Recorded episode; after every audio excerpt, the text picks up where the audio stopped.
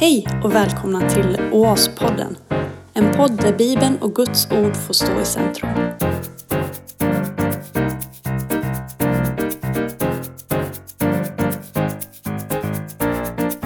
Kvällens tema handlar om en man som levde i en eh, extrem situation.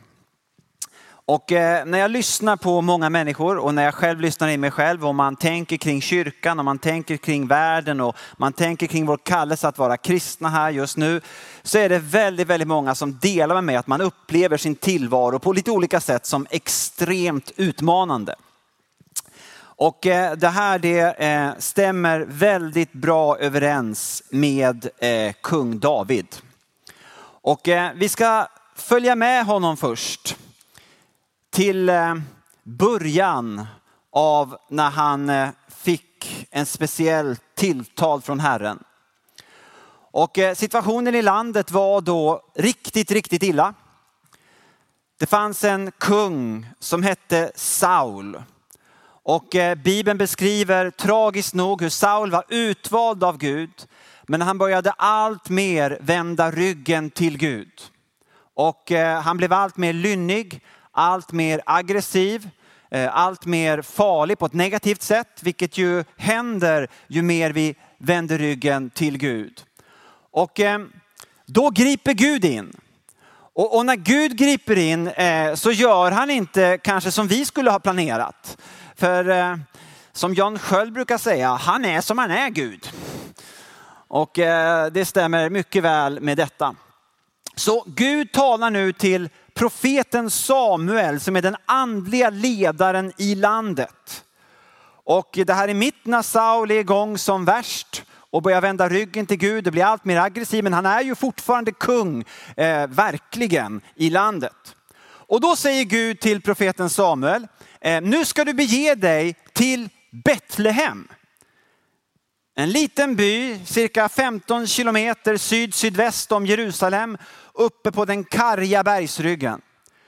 Och så säger Gud till Samuel, nu ska du bege dig dit till Betlehem och eh, där ska du smörja en person till kung. Och det var ju liksom bara ett litet problem och det var ju att Saul var kung just då.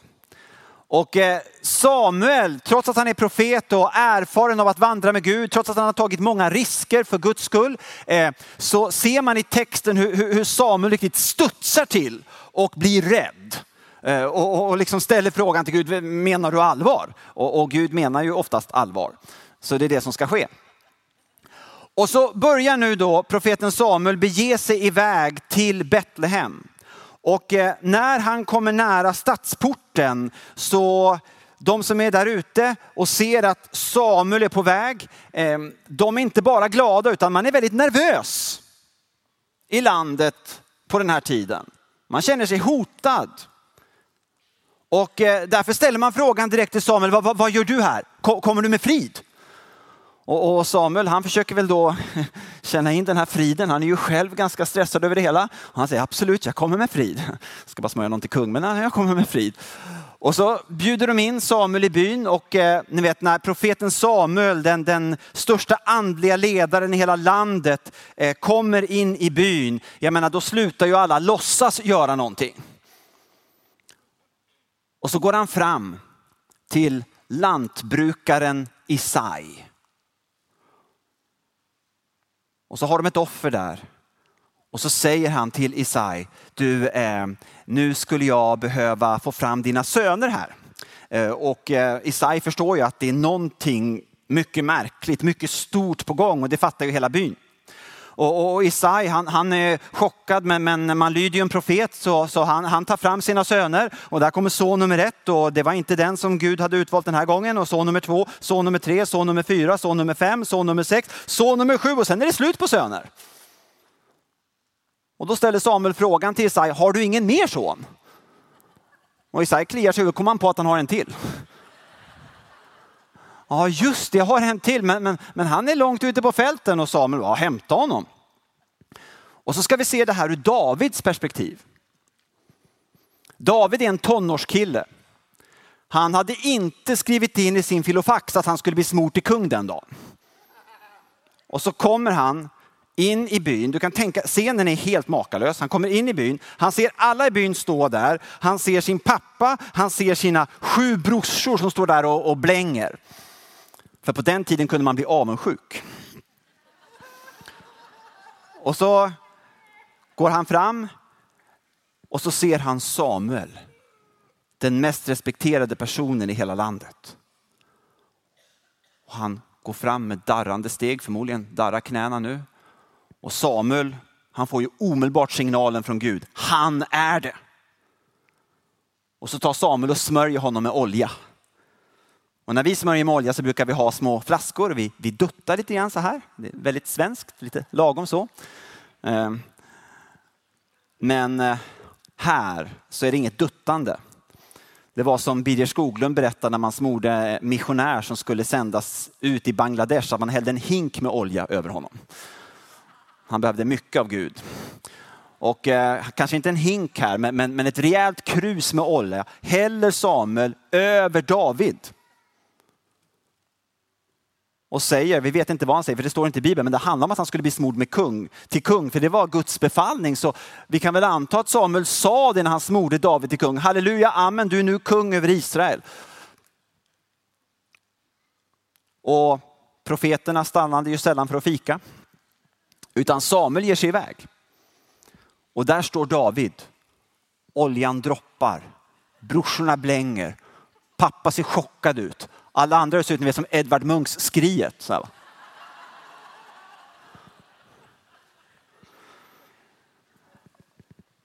Och jag tror att David hade blivit galen där och då. Om inte det hade hänt som det står om i första Samuelsboken kapitel 16, vers 13. Det står så här. Då tog Samuel sitt oljehorn och smorde honom mitt ibland hans bröder. Och Herrens ande kom över David från den dagen och framöver. Så själva nyckeln här som möjliggjorde för David att leva och följa Guds väg och samla runt sig Guds folk i en extrem tid, det var att den helige ande fyllde honom med sin närvaro. Och eh, när jag läste igenom den här texten på hebreiska eh, så eh, står det också ett ord om den heliga ande, precis när den heliga ande fyller David så står det tsalach. Kan ni säga tsalach? Det är väl ett mustigt ord. Ni talar hebreiska flytande. Och tsalach det betyder eh, kraftfullt, mäktigt, effektivt. Och ordet har också en koppling till att slutföra någonting som man har fått som uppdrag. Att slutföra någonting. Eh, och eh, den här eh, utrustningen handlade ju om att bli kung. Och då kan vi ju tänka liksom att det är lite glassigt så här. Yeah, kung, sitta på tron och, och eh, kunna få nästan allt man pekar på och så vidare. Makt och ära. Men jag tyckte att vår biskop gav ett sånt underbart perspektiv på vad det innebär, vad det innebar för Jesus att bli kung. Det handlar om ansvar. Det handlar om att vara en herde. Det handlar om att ta hand om ett helt folk. Och någonstans när den helige ande fyller David där förstår han att det här handlar om en kallelse, så ung han är, att bli en ledare för ett helt folk.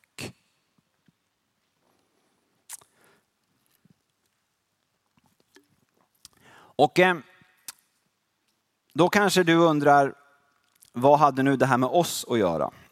Det är en bra fråga. Eh, det första man kan lyfta upp som är en princip som, som går genom Bibeln som en röd tråd, det är ju att det är Gud som alltid är först på plan. Och David var utvald av nåd. Som vi sa innan, han hade inte skrivit in i sin filofax att han skulle bli utvald av Gud den här dagen till att bli kung. På samma sätt är det till exempel med apostlarna. Deras gemensamma nämnare är ju att de är ungefär lika förvånade över att Gud har utvalt just dem. Och på samma sätt är det med dig och mig. Vi är utvalda av nåd. Det är inte vår egen fiffiga idé. Det är inte för att vi i oss själva är så förträffliga och goda som Gud har utvalt oss, utan det är för att Gud själv älskar oss och han har valt oss. Och det står ju om detta i Johannes 15, vers 16. Där talar Jesus till dig och mig och han säger så här. Ni har inte utvalt mig, utan jag har utvalt er och bestämt om er att ni ska gå ut och bära frukt, sådan frukt som består, för att Fadern må ge er vad ni än ber honom om i mitt namn.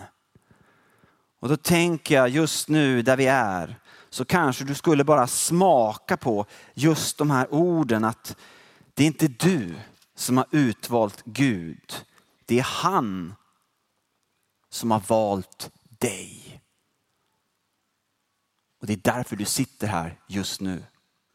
Och det här med det konungsliga, det har vi del av. Det står det om till exempel i första Petrusbrevet kapitel 2, vers 9 där det står, Petrus skriver om oss kristna som får den heliga ande när vi tar emot Jesus som vår Herre, med munnen bekänner, med hjärtat tror och är döpta i Faderns, Sonens och den heliga Andes namn. Då skriver han så här, men ni är ett utvalt släkte, ett konungsligt prästerskap, ett heligt folk, ett Guds eget folk för att ni ska förkunna hans härliga gärningar. Han som har kallat er från mörkret till sitt underbara ljus. Ni som förut inte var ett folk är nu Guds folk. Ni som inte hade fått barmhärtighet har nu fått barmhärtighet. Där har vi just den heliga ande i oss som handlar om så oändligt mycket mer än när man får en viss stark upplevelse under ett kvällsmöte utan som handlar om att Gud själv av nåd, för att Jesus dött för oss på korset, kommer till oss, utväljer oss och vill att vi ska ta emot honom i djupet av vårt jag. Och det här att den heliga ande fyller oss, det har eh, att göra med vår djupaste identitet. Vår djupaste identitet. Och vi har en text som talar just om detta i Filipperbrevet 3, vers 20 och 21. Där står det, men vi har vårt medborgarskap i himlen och därifrån väntar vi Herren Jesus Kristus som frälsare. Han ska förvandla vår bräckliga kropp så att den blir lik den kropp han har i sin härlighet. Ty han har makt att lägga allt under sig. Och här talar Paulus just om detta med att vi är dubbla medborgare. Jag är till och med tredubbel medborgare. Jag är medborgare i både USA och Sverige. Eh, nu för tiden, jag tror inte jag kan få något nytt amerikanskt pass, men när jag var tonåring så kunde jag resa till USA på amerikanskt pass och tyckte det var liksom lite häftigt att vara dubbel medborgare. Men vi är alla dubbla medborgare på ett mycket, mycket, mycket, mycket, mycket häftigare sätt. Det är att vi har vårt sanna medborgarskap inte bara i Sverige utan i himlen. Det talar om vår identitet. Och en till sån text, Romarbrevet 8.16. Där står det så här.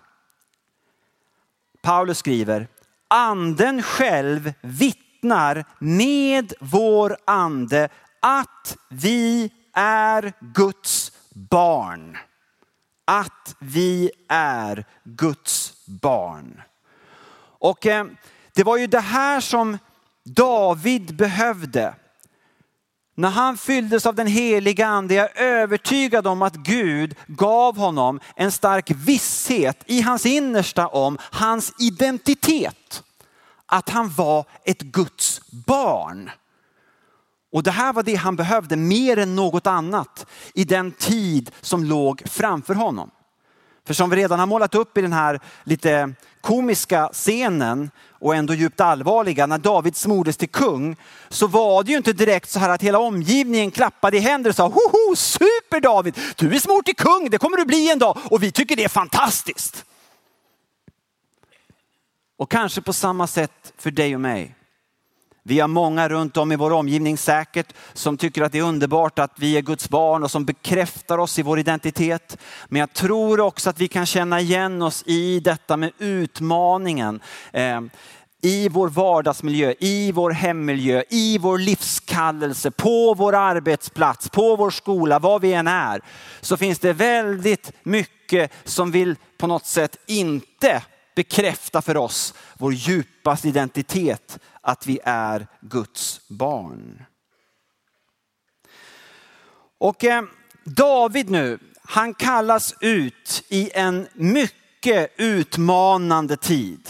Ut i det okända kan man säga. Det fanns liksom ingen färdplan. Det fanns ingenting han riktigt kunde ta till förutom Gud själv och hans ord. För att på något sätt förstå hur han skulle navigera nu som typ kung. Men bara ett litet problem att det fanns en annan kung som verkligen var kung. Och som var ganska aggressiv. Och eh, i den här utmanande tiden så har jag eh, tittat lite grann på kung David. Och det är ett par olika saker som jag tycker är väldigt intressanta som man märker måste ha en koppling till att den heliga ande bor i honom. Och det är någonting jag tror att Gud själv vill stryka under idag. Eh, inte som en kravlista, inte för att vi ska tänka att vi är värdelösa för att vi inte har det lika mycket, utan tvärtom som en möjlighet, som en inbjudan, eh, som en uppmuntran kring eh, vad det faktiskt innebär att den helige ande bor i oss. Och det första ordet jag tänker på kring David, det blir inte så långt men ett par ord, det är frimodighet. Frimodighet. Eh, hur många har talat om David och Goliat? Ja, det är hyfsat känd bibelberättelse. Och David stormar emot Goliat och det är väldigt tydligt att han gör inte det för att han tycker att han har större muskler. För att han tycker att det verkar så logiskt förnuftigt att han skulle kunna slå ut Goliat. Utan han gör det för en enda sak och det är att Goliat har smädat den levande guden. Och han har en tro på att han är ett Guds barn, han har en konungslig smörjelse. Han har ett uppdrag från Gud att slå ut Goliat bara därför. Det är det som ger honom den här frimodigheten. Eh, och så tänker jag också på det här med Sauls rustning. Det känner många av er till, att man försökte ju liksom inför denna väldiga utmaning, när David nu skulle kämpa mot Goliat, så, så var han ju liksom tvungen att, att, att ha någonting, någon, någon, typ av utrustning. Och det är ju på ett sätt helt rätt, det hade han ju. Men den utrustning som de ville ge honom, det var någon annans utrustning. Nämligen kung Sauls. Och man klädde på honom Sauls rustning och den här lilla, eh, förmodligen lite spensliga tonårskillen, man hör liksom honom ropa inifrån rustningen, kan inte ha den här. Han går två steg och så...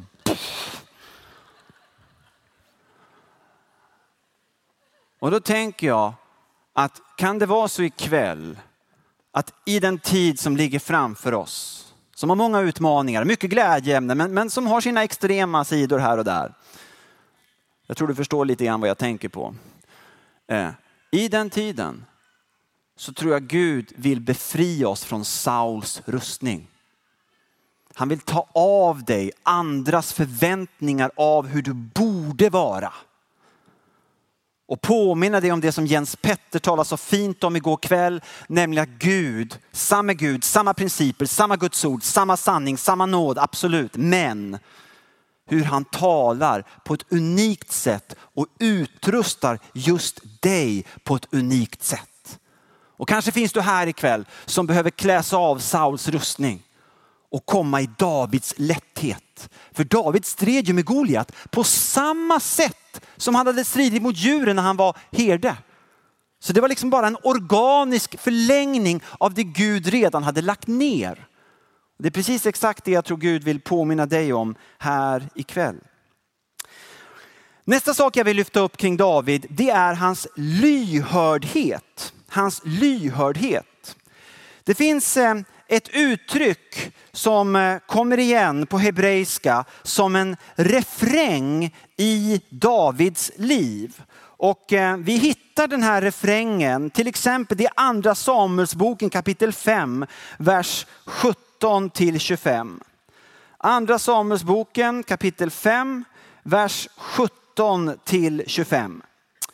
Och eh, David befinner sig i strid, det gjorde han ju ofta. Han blev ofta attackerad och det var inte bara han utan det var hela folket, Guds folk som blev attackerat, vilket ju inte är ovanligt utan det är ju på något sätt ett tema innan Jesus kommer tillbaka. Och då står det i andra Samuelsboken 5, vers 17.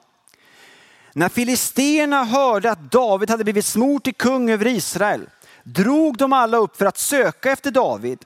När David hörde detta gick han ner till borgen. Sedan filisterna hade kommit fram spred de sig i Refaimdalen. Och så kommer det vers 19. Här kommer det. Då frågade David Herren. Och det är det hebreiska ordet sha'al, betyder fråga. Sha'al Adonai. David frågade Herren. Och det kommer som en refräng i Bibeln, i Davids liv. Han frågar Herren och han frågar Herren och han frågar Herren och han frågar Herren och han frågar Herren. Och, och det har inte att göra med att David eh, på något sätt ständigt upplevde att Guds närvaro var så stark så att han såg sju änglar runt omkring sig. Tvärtom, vi ser i Psaltaren hur han ropar ut till Gud både natt och morgon och mitt på dagen, många gånger med tårar, vet inte vad Gud är. Han förstår inte varför han hade blivit träffad av en ny attack, hur han längtar efter Gud, känner sig som, som alldeles torr i öknen och flämtar efter att Gud ska komma med sin närvaro. Men det fanns någonting som den helige ande hade lagt ner i David, som jag tror Gud vill ge oss mer av. Och det var att han hade ständigt i sig att söka Guds ansikte. Och, och när nu David frågar Herren så ger Gud David en strategi. Och eh, David eh, och folket slår ut fienden. Halleluja, fantastiskt. Eh, men i vers 22 Andra Samuelsboken kapitel 5, vers 22 så står det så här. Men filisterna drog upp än en gång och spred sig i Refaimdalen. Än en gång. Ni vet, alla segrar vinner vi inte på en dag. Utan det som är kamp i vårt liv och det bästa är glädjen och halleluja och Jesus har vunnit segern och Gud fyller oss med sin närvaro. Vi är på väg till himlen så det överväger naturligtvis. Men, men jag vet inte om du har en smula kamp i ditt liv? Lite. Du får tänka efter. Hitta något litet område. Och alla segrar vinner vi inte på en dag. Det gjorde inte David heller. Och så står det då vers 22 som jag läst att Filistina drog upp än en gång. Och ni vet, det är samma fiender, de kommer från samma håll. Och eh, det som är så intressant här i texten är, ni vet, frestelsen måste ha varit hur stor som helst för David att inte lyssna in Herren. Jag menar, han visste ju hur man skulle göra. Det hade ju Gud sagt igår. Eller vad det nu var, en tid innan. Ja, men när de kommer från det hållet, då gör jag så här. Men då står det i texten här, vers 23, 2 Psalm 5. När David då frågade Herren. Och då ger Gud honom en helt ny strategi. Så det David lärde sig av den helige ande, det var att han varje dag var beroende av Gud. Och eh, när jag förberedde det här och tänkte just på Davids lyhördhet så blev jag påmind om, om eh, ett föredrag jag hörde en gång när jag själv var iväg och predikade i Kanada. Jag har olika hobbys och en är att predika. Och då var jag i Kanada. Och så lyssnade jag på en annan man där på konferensen och han hette Lee Strobel. Eh, han har skrivit en bok till exempel som heter Fallet Jesus som en del kanske känner till. Och eh, han kom till tro i Chicago om jag förstår det rätt, eh, i vuxen ålder. Och, och jobbade då som journalist på, på en stor tidning som heter Chicago, eller heter Chicago Tribune. Och eh, han kom till tro, ni vet, han, han var entusiastisk för Jesus och, och, och, ville verkligen berätta om sin tro för sina arbetskamrater. Och, och han hade en kollega då, en, en väldigt smart journalist då, och han försökte berätta för honom om kristen tro, både en och två gånger, eh, så bra han kunde. Eh, och det gick inget bra alls. Det gick faktiskt dåligt. Så, så Lee han, han liksom gav upp det där, fick kanske lite dåligt självförtroende, tänkte att ah, det här funkar inte så bra. Och så sitter nu Lee Strobel i sitt kontor, på sitt kontor. Och så upplever han plötsligt att det är som att Guds närvaro kommer. Ni vet andens frukt är ju glädje, kärlek, frid. Och han bara känner att den här närvaron kommer över honom. Och, och, och så bara får han en längtan, en dragning. Det är som att den helige ande, jag tror ofta den helige ande talar genom en längtan. Han liksom drar oss, mer eller mindre starkt. Och det han upplever är att han ska gå in till sin kollega, men nu ska han gå in till kollegan i hans arbetsrum. Och, och, och, och, han förstår inte varför och han försöker nog argumentera med Gud om jag kommer ihåg det rätt. För liksom, han har ju försökt redan innan vid kaffeautomaten eller vad det nu var. Det gick ju inget bra. Flera gånger till och med. Men nu är det som att den helige ande ändå vill att han ska liksom gå in till hans arbetsrum. Och han kämpar emot ganska länge men till slut så känner han okej okay, jag får ta och gå iväg. Så, så han, han, går iväg till kollegans arbetsrum och, och knackar på dörren. Och, och journalisten sitter där inne och säger ja kom in. Ja, så, så han öppnar dörren. Och så ser han kollegan sitta och jobba vid skrivbordet, väl, vet, stressad, upptagen, eh, lite störd på Li som har hållit på och tramsat om kristen tro och så vidare. Och när Li nu, han är ganska nykristen, lite osäker sådär. Och när han kommer in så berättar han då för alla där eh, i Edmonton att när han kom in och såg journalisterna, han fick en total blackout. Du vet, har du varit med om det någon gång? Det bara, allt bara försvann. Och han tappade allt började nästan stamma. Eh, ursäkta, eh, eh, exakt vad han sa, eh, det är ett par år sedan, men ungefär något sånt här sa han. Du, du, ehm, eh, jag, jag, ehm, du vet, vi har ju pratat om det här med kristen tro.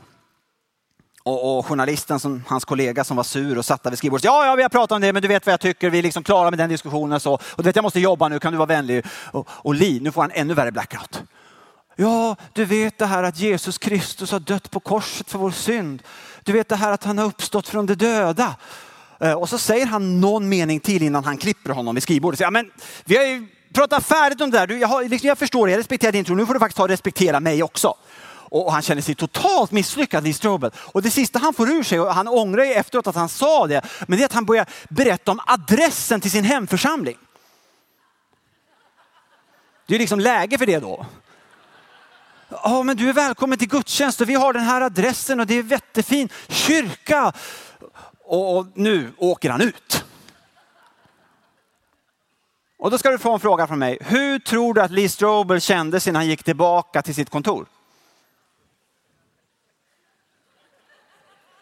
Wow, fantastiskt, eller hur? Han, han går ju tillbaka och åh, hjälp, ja, men, åh, det där kan inte ha varit från Gud, varför gjorde jag så där? Åh, så, va? Och så dröjer det en ganska lång tid. Jag tror det dröjer minst något år. Och han ja, får ingen mer bra kontakt med sin kollega. Absolut inte. Något år senare så är han i sin kyrka vid en påsk. Och Lee Strobel är där i sin kyrka, jag tror det var påskdagen. Och så kommer det fram en familj. Och den här familjen kommer fram, det är liksom eh, pappa, mamma och ett par barn. Och de ser jätteglada ut och står så här. Hej Liv! Vi, jag, jag, skulle egentligen ha kommit innan, säger pappan till dig. Men, men jag tänkte jag gör det nu. Du vet att, att, att vi är här, det är tack vare dig. Och Li har liksom aldrig sett dem, så han bara, jaha, tack vare mig. Ja, förstår du, jag är golvläggare. Och en dag var jag kallad in på Chicago Tribune och lägga golv. Och jag la golvet inne hos en väldigt sur journalist. Och jag var bakom hans skrivbord och höll på att lägga golv. Och så kommer det in någon och bara säger att Jesus har dött för mina synder. Han har uppstått från de döda. Och jag bara blev så överbevisad i mitt inre. Jag sa, jag tar emot Herre, jag tar emot. Och sen sa du vad man kunde gå i kyrkan och tänkte jag, jag måste gå dit detsamma.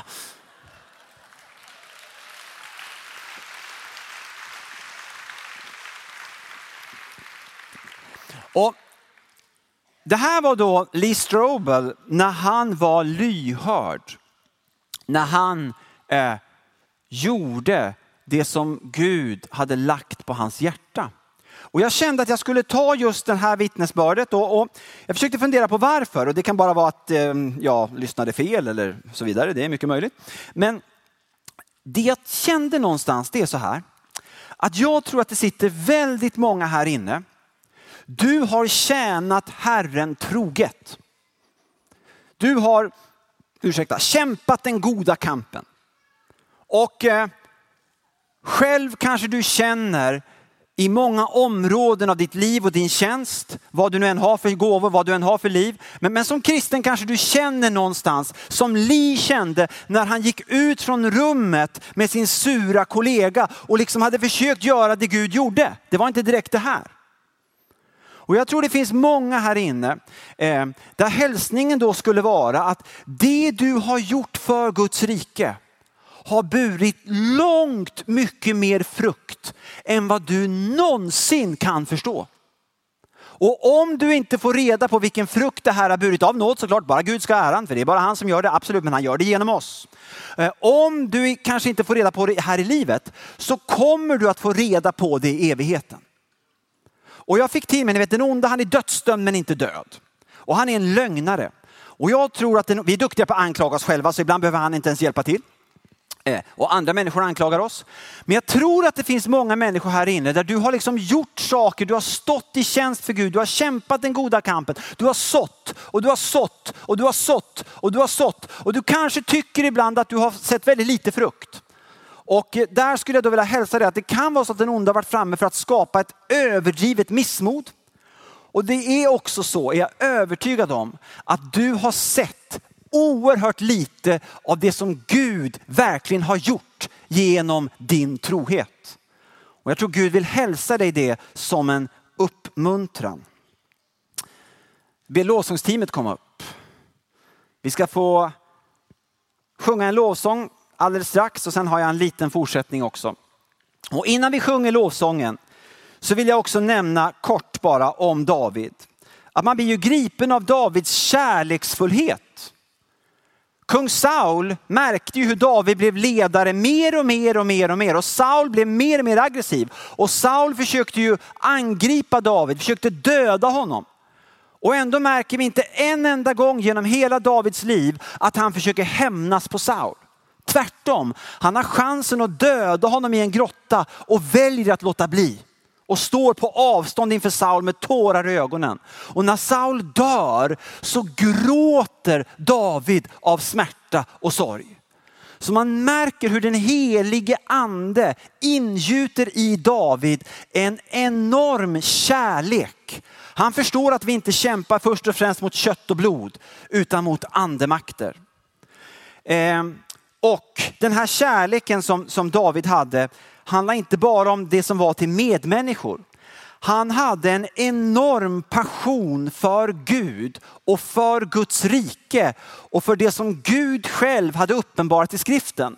Det inkluderade förbundsarken, att den skulle komma till tempelplatsen som var Guds utvalda centrum på jorden.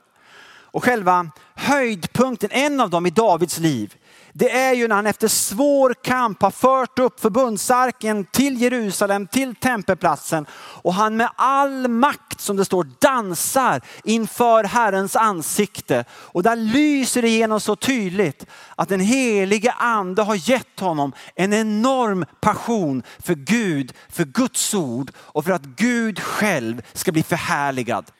Ja, vi har talat om kung David, utvald av nåd, det är vi också. Vi har talat om hur kung David mitt i enorm utsatthet, eh, ledd av den heliga ande i samverkan med andra i Guds folk, eh, blev utrustad med en lyhördhet, med en kärleksfullhet både till medmänniskor och till Gud. Eh, och den här passionen och, och frimodigheten. Och nu går vi vidare och eh, nästa rubrik är inte lika rolig. För nästa rubrik är fallet. Fallet.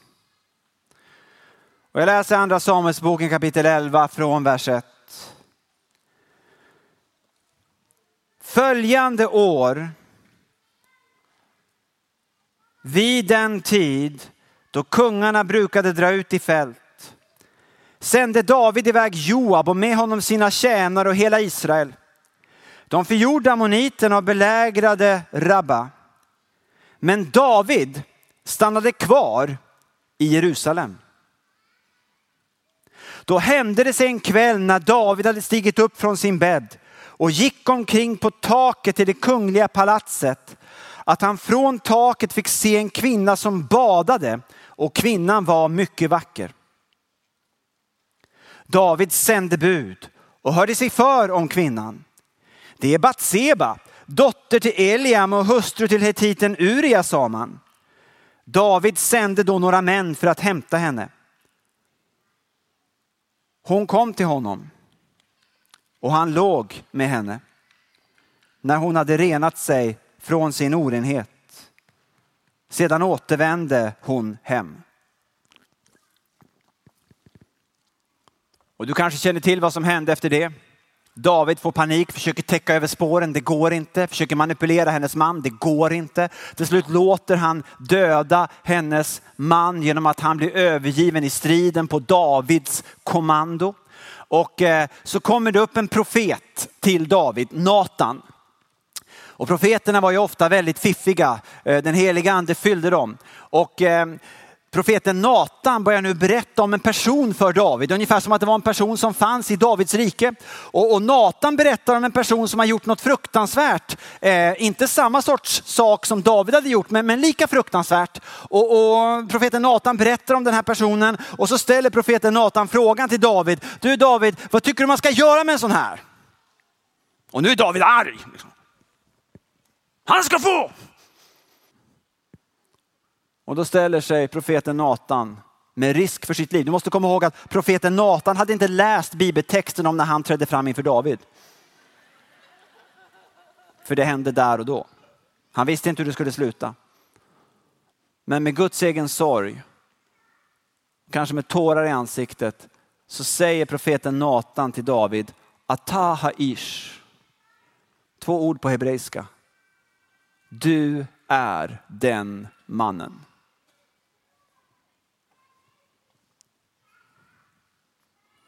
Och där och då är det som att hela Davids liv hänger i vågskålen. Hur skall han reagera? Och eh, vi ser reaktionen i andra Samuelsboken kapitel 12, vers 13. Det står, då sa David till Natan, jag har syndat mot Herren. Och Natan sa till David, så har också Herren förlåtit dig din synd. Och den här förlåtelsen, den är ju naturligtvis i kraft av att Jesus själv, Gud och människa på samma gång, tusen år senare skulle dricka in även Davids synd i sin kropp och bära fram det fulla priset och försoningsoffret för Davids synd. Och i ljuset av det så kan profeten Natan omedelbart tala om för David, du är förlåten. Och samtidigt så berättar Natan att folket i landet har sett signalen. Ni vet, det vi gör påverkar ju allt det andra. När vi vänder ryggen till Gud så är det ju inte bara vår privatsak. Det är aldrig det. Det är aldrig det. Utan när vi vänder ryggen till Gud så dras andra människor in. Och när David nu har visat andra att man kan bete sig hur som helst så informerar Natan honom om att, att eh, nu kommer det bli en tid av kaos i landet. Inte minst på grund av vad David hade gjort. Men förlåtelsen den får han fullt ut direkt. För Gud själv har dött för hans synd på korset. Och eh, om vi bara kort ska stanna upp här innan vi går vidare. Om man tittar här i texten i andra Samuelsboken kapitel eh, 11 och bara ser lite grann eh, vad var det som, som hände här egentligen så, så har vi kanske bara detaljer, men jag vill ändå nämna något för det. Och det är att det står ju i texten här att, att eh, David, han är inte med ute i strid. Han är inte med där, där, där Guds folk kämpar ut striden, utan han, han stannar kvar i Jerusalem. Och, och det finns positiv stiltje. Det finns eh, eh, något underbart när Gud kallar oss att liksom, eh, i ensamhet söka Gud. Det är en positiv stiltje. Men det finns också en negativ stiltje.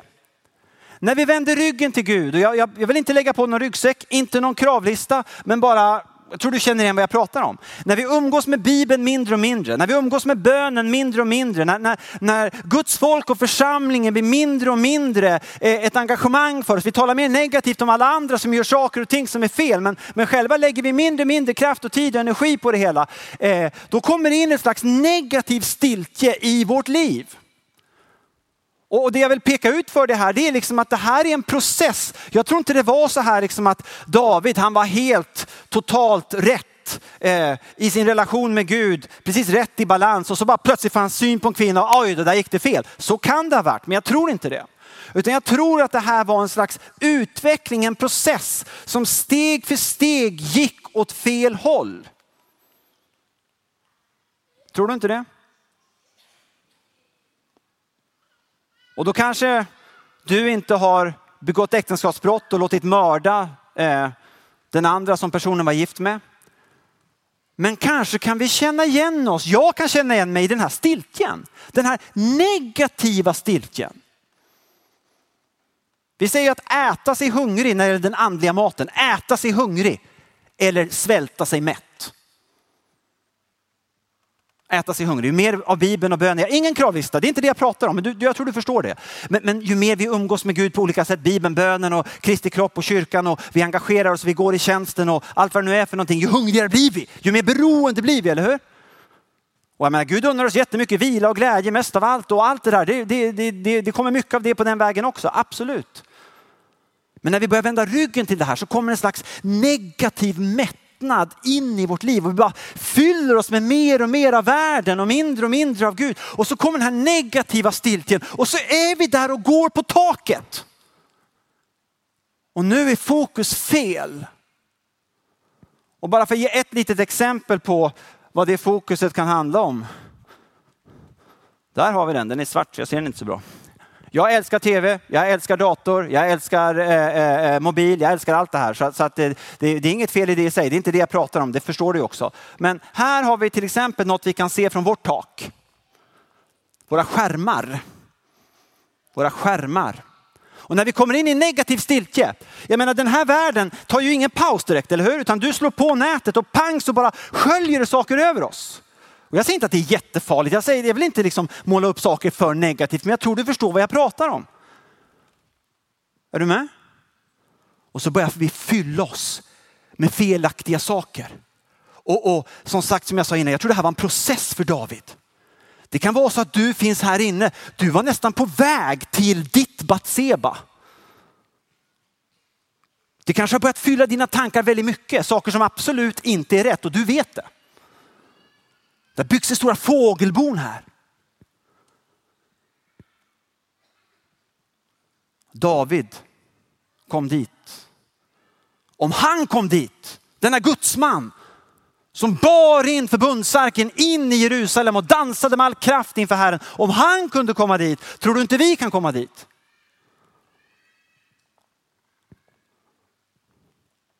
Och David, han väljer att bekänna sin synd inför Gud. Och det är en av de mest gripande bibeltexter man kan läsa. Jag ska bara läsa en vers ur den. Vi har den i Saltaren 51. Saltaren 51 och jag tänkte bara läsa en vers, vers 19. Saltaren 51. Precis när det här har hänt så visar David sin storhet. Han, hans storhet var att han var så lyhörd, absolut. Hans storhet låg i att han hade sån kärlek till Gud och medmänniskor ofta, absolut. Där fanns en stor del av hans storhet. Men jag beundrar David mer än något annat för att när profeten hade pekat på hans synd och han stod liksom helt naken inför Herren, då valde han, på tal om temat för den här konferensen, då valde han inte att gå bort från utan att gå närmare Jesus. Och han ställer sig med tårar i ögonen. Han har inget att komma med. Naken inför Gud. Han bara kastar sig på Guds nåd. Han kastar sig på Guds kärlek. Han kastar sig på Guds helighet. Han kastar sig på Guds försoning. Och tror du inte att det är den heliga ande som gör det möjligt för honom? Det är jag övertygad om. Och eh, jag kan först läsa vers 13. För vers 13 talar om för oss vilken enorm betydelse den helige ande hade i hans liv. David ber inför Herren och, och hans djupaste fruktan, vad är det? Jo, det står i vers 13. Han, han, ropar ut till Gud. Förkasta mig inte från ditt ansikte och så ropar han. Ta inte din helige ande ifrån mig. Det fanns ingenting viktigare för David än den helige ande. Ta inte din helige ande ifrån mig. Och jag tänker att kan det vara så att Gud själv vill påminna dig om att den heliga ande, du har den heliga ande. Har du sagt ja till Jesus, du är döpt i Faderns, Sonens och den heliga andes namn, då har du den heliga ande. Apostlagärningarna 2.38, omvänd er så får ni den heliga ande som gåva. Du kan ha den heliga ande som en liten rykande veke. Jag känner ofta att jag har helig ande, det är liksom ryker, men, men det är någonstans här. Och man kan ha den heliga ande som en stor flammande eld. Men när David nu har liksom med på vekestadiet, men kommer inför Gud, så bara visar han oss anden i honom talar ut från honom till Gud. Så det är Gud i honom som ber till Gud. Han är inte Gud, det förstår ju du också, men han har den heliga ande i sig. Och han ropar ut, ta inte den heliga ande ifrån mig. Och kan det vara en påminnelse till dig och mig? Att vi har den heliga ande och att vi ska värdesätta denna enorma skatt. Gud själv bor i oss. Och det finns en väldigt komplicerad bön som kyrkan har bett i 2000 år. Den är väldigt komplicerad. Jag vet inte om vi kan lära oss den, men vi kan försöka. Kom helige ande. Men sen kommer det jag är ute efter i vers 19, där det står i texten. David säger, offer som Gud vill ha är en förkrossad ande. Ett förkrossat och bedrövat hjärta föraktar du inte Gud. Och där står det på hebreiska, nishperelev. Och förkrossat shavar på hebreiska, det betyder eh, väldigt enkelt öppnat, genombrutet. Så det David säger när han står inför Herren, det är att han säger, det är öppet. Och, och jag har ju extremt dålig fantasi. Eh, och är ofta väldigt långsam här uppe så jag har väldigt svårt att komma på nya käcka bilder. Så jag använder en bild som jag har använt 1 713 000 gånger. Bara för att du ska tycka det är så sensationellt. Och det är angående villan där jag växte upp. Där vi hade en regel. Att vardagsrummet skulle gå och städa på fem minuter. Så gick vi, fick vi gäster så gick vi in och städade vardagsrummet. En stod och uppehöll gästen vid dörren. Och sen bjöd vi in gästen och verkade som en lyckad polerad familj. Och så hade vi olika nivåer av katastrof. Och det absolut värsta var källaren. Det var väldigt bra med källaren för om man släppte ner saker försvann de. Brandtrappa, bort. Och gick man ner i källaren så undrar man, håller vi på att flytta in eller flytta ut? Och det fanns mycket fantastiskt fint i källaren, absolut. Men det fanns också, inte dammråttor, ja det fanns också, men det var de mindre dammtussarna. Småsyskonen. Och Jesus, vad är det det här handlar om, den här texten? Jo, när Guds sanning och Guds nåd lyser in i Davids hjärta, han har inget eget att komma med. Då är det som att han själv bara öppnar källardörren. Och djupare än på länge så bara står han där och ropar till Gud. Kom. Förlåt. Fyll. Rena. Välsigna. Rädda. Då tänker jag mig att det kan vara så här ikväll. Jesus han knackar på ditt vardagsrums, nej vardagsrumsfönster, nej, tror jag kanske, ja det kanske de också gör, men han knackar på din dörr. Det står i det Uppenbarelseboken 3, eller hur? Se jag står vid dörren och bultar. Kryo, det är en grekisk presens, betyder bulta. Han, han bultar liksom inte knack, knack och sen slutar han. Nej, det som står i Uppenbarelseboken 3 till församlingen i Laodikeia, det är att han, han står och bultar. Han som har dött för dig på korset, han bultar. Och så öppnar vi dörren och så förstår vi något. Vänta nu, det här är ju Gud och människa på samma gång. Och, oh, nu får man pynta till sig lite grann här. Det finns ju en hel del grejer som inte riktigt är så bra här i mitt liv. Nej, just det. Och så bjuder vi in Jesus i vårt livs vardagsrum. Men han nöjer sig inte med att vara där. För han älskar dig. För han vill komma in i djupet av ditt jag. Så han tittar på dig med den kärlek som är Gud och människa på samma gång. Och så går han till din källardörr. Och så frågar han ikväll, får jag komma in där? Han vill förlåta din synd. Han vill hela allt som behöver helas. Han vill befria dig från negativa saker som binder dig. Så var det med David och så är det med oss. Det David naturligtvis fick en insikt om här, det var att han fick en insikt om eh, det som Paulus skriver om, att när vi tillhör Guds folk så har vi både den nya människan som är född av den heliga ande, det enda som kommer bli kvar i himlen, underbart, men vi har också den gamla människan. Han finns där. Den negativa sidan av vårt jag. Och eh, David får ju en väldigt eh, brutal lektion i att han både har en ny och en gammal människa. Det är från sig inte honom hans ansvar, absolut inte, men han får det. Ehm, och ehm, Samtidigt verkar det här leda David till en tid då han blir mer beroende av Gud än någonsin. Alltså Gud själv kommer djupare in i Davids liv än någonsin. Ehm, och en bild man kanske skulle kunna använda här kommer från Jakob. Jag fick det när jag bad för oss. När jag bad för dig så fick jag bilden, just ni vet Jakob, som ju var en 2000-talsmänniska före sin tid lyckades lura allt och alla och liksom alltid kom Jakob ut, någon märk, på något märkligt sätt så kom han ut med segern. Och märkligt nog blev han inte så omtyckt alltid. Och Gud försöker få tag på Jakob för att komma på djupet. Och till slut tvingas Gud ta fast Jakob. Och Jakob brottas med Gud. Och med tårar i ögonen så ger han som ska dö för Jakob på korset honom ett slag på höften. Och då faller Jakob och så kastar han sig om Guds hals. Och där börjar Gud, där börjar något nytt i Jakobs liv, något djupare, något starkare. Och eh, vi har alla, tror jag, tillfällen i våra liv då vi kan känna igen oss i detta med den krossade höften. Jag blev berörd av många saker. Jag blir alltid berörd när Berit undervisar. Jag brukar lyssna på henne i bilen också. Det är en härlig kollega att ha så man vill, man vill ha mer, så man lyssnar i bilen också eh, på hennes undervisning. Men, men hon undervisade om eh, i onsdags här. En, om du inte har fått den undervisningen så undervisar, skulle jag vilja bara uppmana dig att, att, få tag på den, för den var väldigt, väldigt bra. Och, eh, men då sa hon bland annat en sak som berörde mig. Och det här är bara en detalj, ta det som en parentes. Och jag, jag ska strax sluta, jag har koll på tiden så det är lugnt.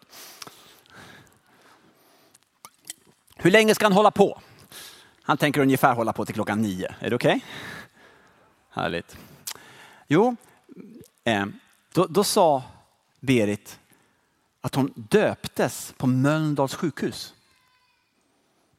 Och jag tror kanske inte just den detaljen var det som fick allra flest människor bara, åh underbart, Mölndals sjukhus, åh fantastiskt.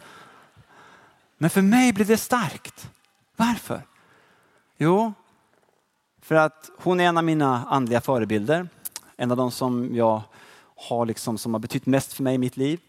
Och för många här inne, jag vet det också. Eh, och jag kom till Mölndals sjukhus 2006 på hösten. Ett halvår efter min storbror hade dött. Och eh, min storbror dog av ett sprucket hjärta, det har jag berättat många gånger men jag gör det igen. Och så fick jag reda på, inne på Mölndals sjukhus, att det läckte från en hjärtklaff. Och en normal kristen hade liksom sagt halleluja, inga problem, de kommer att operera. Det, det sa läkaren också, det här är inga problem, det här kan vi operera om 10 eller 20 år om det behövs. Liksom. No problems. Men jag är överspänd just när det gäller det här. Och du kanske skrattar åt mig att jag är så överspänd just när det gäller det här, men, men jag tror att du också har sprickor, de sitter bara på andra ställen. C.S. Lewis han säger, vi bör se på varandra som patienter på samma sjukhus. Nåväl, jag fick den här smällen och eh, eh, det var jobbigt. Eh, och samtidigt, det ledde mig in i ett år av, jag trodde en stund varje dag att jag skulle dö under ett års tid och det var lite obekvämt. Men det märkliga var att mitt i det här när höften krossades så bara förstod jag djupare än jag någonsin skulle ha förstått hur beroende jag var av Herren. Bara en sån här liten detalj. Jag säger inte det här för att jag ska låta andligt duktig, jag tror du förstår det. Men en liten detalj. Eh, från och med då missade jag aldrig en morgonbön. Inte för att jag var from eller duktig, absolut inte. Utan bara för att jag, jag klarar mig inte annars. Jag fick ju en bild av Gud när jag var som svagast. Låg som en fågelunge i soffan och bad min morgonbön och, och, och bad liksom att få tro för att jag skulle få leva längre än ett par dagar. Eh, så gav Gud mig en bild som handlade om den heliga ande och vinden. Alltså, Hans du är inte en roddbåt ah, som drar dig fram i egen kraft. Du är en segelbåt. Varenda dag upp med seglet så får andens vind blåsa dig fram. Och eh, då tänker jag så här att jag tror att det sitter många här inne med krossade höfter på det ena eller det andra sättet. Och eh, då, då vill jag inte låta klämkäck, jag vill inte låta positivistisk. Men det jag verkligen tror är att din krossade höft är inget hinder för att Gud ska verka starkt genom dig. Tvärtom, han kan verka ännu starkare då. Och jag tror det finns många här inne med en krossad höft där, där ni vet den onde, han är dödsdömd men inte död. Jag tror att den onde försöker liksom lura dig, får du att tro att ditt liv är slut, du är värdelös, du är grå, du är futtig, eh, du är en förlorare. Det, det, du har gjort fram till nu, ni vet det är tillbaka här med det här att det vi har sått har betytt mer än vad, vad vi tror. Att det du har sått har inte betytt någonting. Du ser hur kampfullt det är i kyrkan och överallt annars. Allting håller på att gå i putten och liksom, det är bara att lägga ner nu. Det är bara att liksom gå in och svepa in dig i missmodets täcke och så kanske du kan få ha det hyfsat ändå någonstans, leva på undantag som en åskådare, titta på andra som spelar och det är ditt liv, punkt. Det där är en lögn. Amen. Guds sanning är att okej, okay, du kanske har en krossad höft. Okej, okay, du kanske har fallit och, och behövt Guds förlåtelse på djupet av ditt liv. Men vet du vad? Vi behöver öva oss i den dagliga omvändelsen. Vi behöver Jesu förlåtelse varenda dag. Vi lever ju av nåd. Och jag sa ju innan det här att kung David kom in i en tuff tid. För det gjorde han. Det blev en tuff tid för David. Det blev inte en lätt tid. För hela landet löpte amok och han visste själv att en stor del av detta berodde på hans egen synd. Han fick vara med om att hans egen son gjorde revolt mot honom militärt. Och vi har alla saker med oss som är smärtsamma i våra liv. Men smaka på den. Det kallar jag för tufft. Men mitt i det här som var svårt så märker vi att det jag sa innan besannades. Med hans krossade höft den helige ande i honom togs inte ifrån honom. Tvärtom tvärtom började verka starkare och starkare än någonsin. Och det vi märker när man möter David mot slutet av hans liv, det är att här har vi en gudsman med en krossad höft. Där Guds ljus bara strålar igenom. Och när man möter David mot slutet av hans liv så är han hungrigare efter Gud än någonsin. Han är till större välsignelse än någonsin. Han har mer tro på Guds seger, och nu inte på ett ytligt sätt utan på ett väldigt djupt, äkta sätt. Han har mer tro på Guds seger än någonsin. Han är mer inspirerande för andra än någonsin. Han är pricksäkrare än någonsin. Och jag tror att Gud vill ge dig precis det. Amen. Och eh, jag vill bara ge dig något bibelord om det här och sen ska vi stänga här. Första krönikeboken kapitel 28, vers 1-3. Där möter vi just David mot slutet av hans liv. Vad gör han mot slutet av sitt liv? Jo, det står så här, första krönikaboken 28, vers 1-3. David, och det här är, nu är han gammal, han är nära döden. Alltså det här är precis kapitlen innan han dör. Han är gammal, om du ska se David framför dig nu ska du se en man, han är gammal, han är fysiskt svag. Det står på ett annat ställe i Bibeln, han är så svag så att han behöver hjälp med att någon värmer honom över nätterna för att han är så kall, han skakar av köld. Han har liksom inte fysisk styrka nog själv att, att hålla sig varm. Och när han är i det tillståndet så står det i första krönikeboken 28, vers 1. David samlade till Jerusalem alla Israels hövdingar, stamhövdingar och häravdelningarnas befälhavare. De som var i kungens tjänst.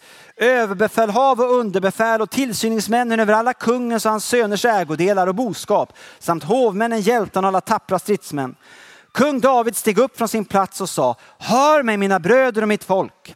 Jag hade själv i sinnet att bygga ett hus till viloplats för Herrens förbundsark och för vår Guds fotapall och jag skaffade förråd till byggnadsverket. Men Gud sa till mig, du ska inte bygga ett hus åt mitt namn och så vidare.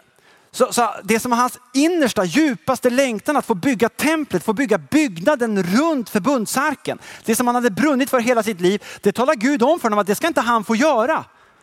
Han blir inte dugg eh, liksom, negativ, anklagande, utan tvärtom. Han gör allt han kan för att tjäna Gud så bra han kan med alla sina styrkor och för att välsigna alla människor runt omkring honom. För han är bara fylld av Guds egen sötma. Och eh, han hjälper Salomo, han ger Salomo mönsterritningen till templet. Han samlar folket och du kan själv läsa de här sista kapitlen, första krönikeboken 28-29. Det är väldigt mycket glädje. Och så vill jag bara läsa precis det sista som David säger i krönikeböckerna innan han dör. Vad är det han säger? Jo, han säger så här. Jag läser första krönikeboken 29, vers 10, mitt i versen. Lovad vare du Herre, våra fäders Israels Gud, från evighet till evighet. Dig Herre tillhör storhet och makt. Och så bara fortsätter han lovprisa Herren. Vers 20. Därefter sa David till hela församlingen, lova Herren er Gud. Och en sak som jag tror växte starkare och starkare i David mot slutet av hans liv och som fanns med och som den heliga ande hade gett honom redan från början det skriver han om i Saltaren 16. Där talar han just om eh, hoppet. Att han förstår mer och mer att döden inte är slutet utan han är på väg till den eviga festen. Och därför skriver han i Saltaren 16 från vers 8. Jag har alltid haft Herren för ögonen. Han är på min högra sida, jag ska inte vackla. Därför gläder sig mitt hjärta och jublar min ära. Också min kropp får bo i trygghet. Ty du skall, och så står det, ej lämna min själ åt dödsriket. Du ska ej låta din fromme se förgängelsen. Du lär mig livets väg. Inför ditt ansikte mättas jag av glädje, av ljuvlighet på din högra sida för evigt. Och det verkar som att det här himmelska hoppet det är det som bara strålar in genom hans krossade höft, mitt i hans svaghet, bara starkare och starkare. Han vet att han är på väg av nåd hem till Gud. Och det sista jag vill säga, i oktober i år dog min pappa. Min älskade pappa. Han brukar vara med här på asmöten så jag tror många av er kanske har sett honom någon gång. Och eh, han tog emot Jesus. Och ett av mina sista minnen från mig och min pappa, det är när vi står i ett tält i Skåne. Någon månad innan han får en massiv hjärnblödning och sen dör. Och jag får smörja honom med olja. Och det hade jag fått nåden att göra många gånger under de senaste åren. Efter att han liksom fick tag på att Jesus är på riktigt. Och eh, så fick han då en massiv hjärnblödning. Och eh, vi var där naturligtvis vid sjukhuset där han var. Det hade gått en tio dagar. Och så hör läkarna av sig, vi är inne i centrala Stockholm och de säger ni måste komma ut fort. För att eh, vi tror inte att han kommer leva särskilt många timmar till. Så jag och min lillebror och hans fru Charlotte, vi ger oss iväg till pappa. Eh, och när jag kommer in i rummet till pappa så ser jag på honom att han har inte långt kvar att leva. Andetagen är flämtande, blir svagare och svagare. Och själv så går jag ut, gråter lite grann, jag ska inte bli sentimental, tycker inte om det, men bara säga, går till toaletten och bara ber till Gud och så går jag tillbaka igen. Och jag hade full frihet att läsa i Bibeln och be. Och eh, vad är det som håller i en sån situation? Det är samma sak som gav David hopp med hans krossade höft att bara fortsätta att eh, sprida sötma runt omkring sig. Samma kraft som Gud själv vill fylla dig och mig med, med mer och mer. Och det är naturligtvis hoppet om eh, den eviga festen. Och eh, jag läste just om detta och grät som ett barn precis någon timme innan pappa gick hem till Gud. Och jag läser vad jag läste för honom. Därefter såg jag se en stor skara som ingen kunde räkna. Av alla folkslag och stammar och länder och språk. Det är Johannes som ser rakt in i himlen. De stod inför tronen och inför lammet klädda i vita kläder och med palmblad i händerna. Och de ropade med hög röst. Frälsningen tillhör vår Gud, honom som sitter på tronen och lammet. Och så kom jag till vers 14. Där talar en ängel ut. Vad är det för människor i himlen? Och där står det om dig och mig. Om vi bara håller tag i Jesu hand. Dessa är det som kommer ur den stora nöden och de har tvättat sina kläder och gjort dem vita i Lammets blod. Därför står de inför Guds tron och tjänar honom dag och natt i hans tempel. Och han som sitter på tronen ska slå upp sitt tabernakel över dem. De ska aldrig mer hungra eller törsta, inte heller ska solen eller någon annan hetta träffa dem.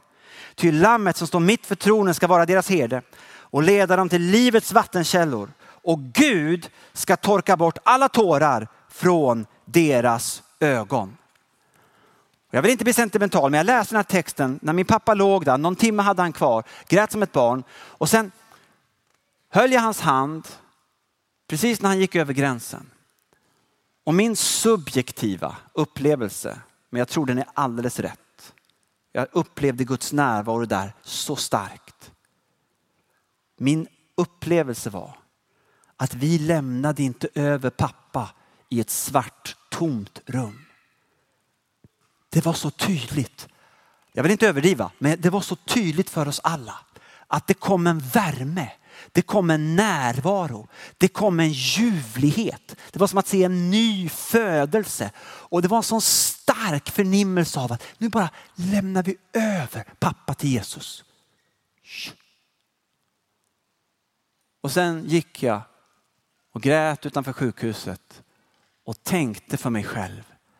Varför varför, varför låter jag så stor del av livet förlamas av rädsla när Gud själv har vunnit segern över liv och död.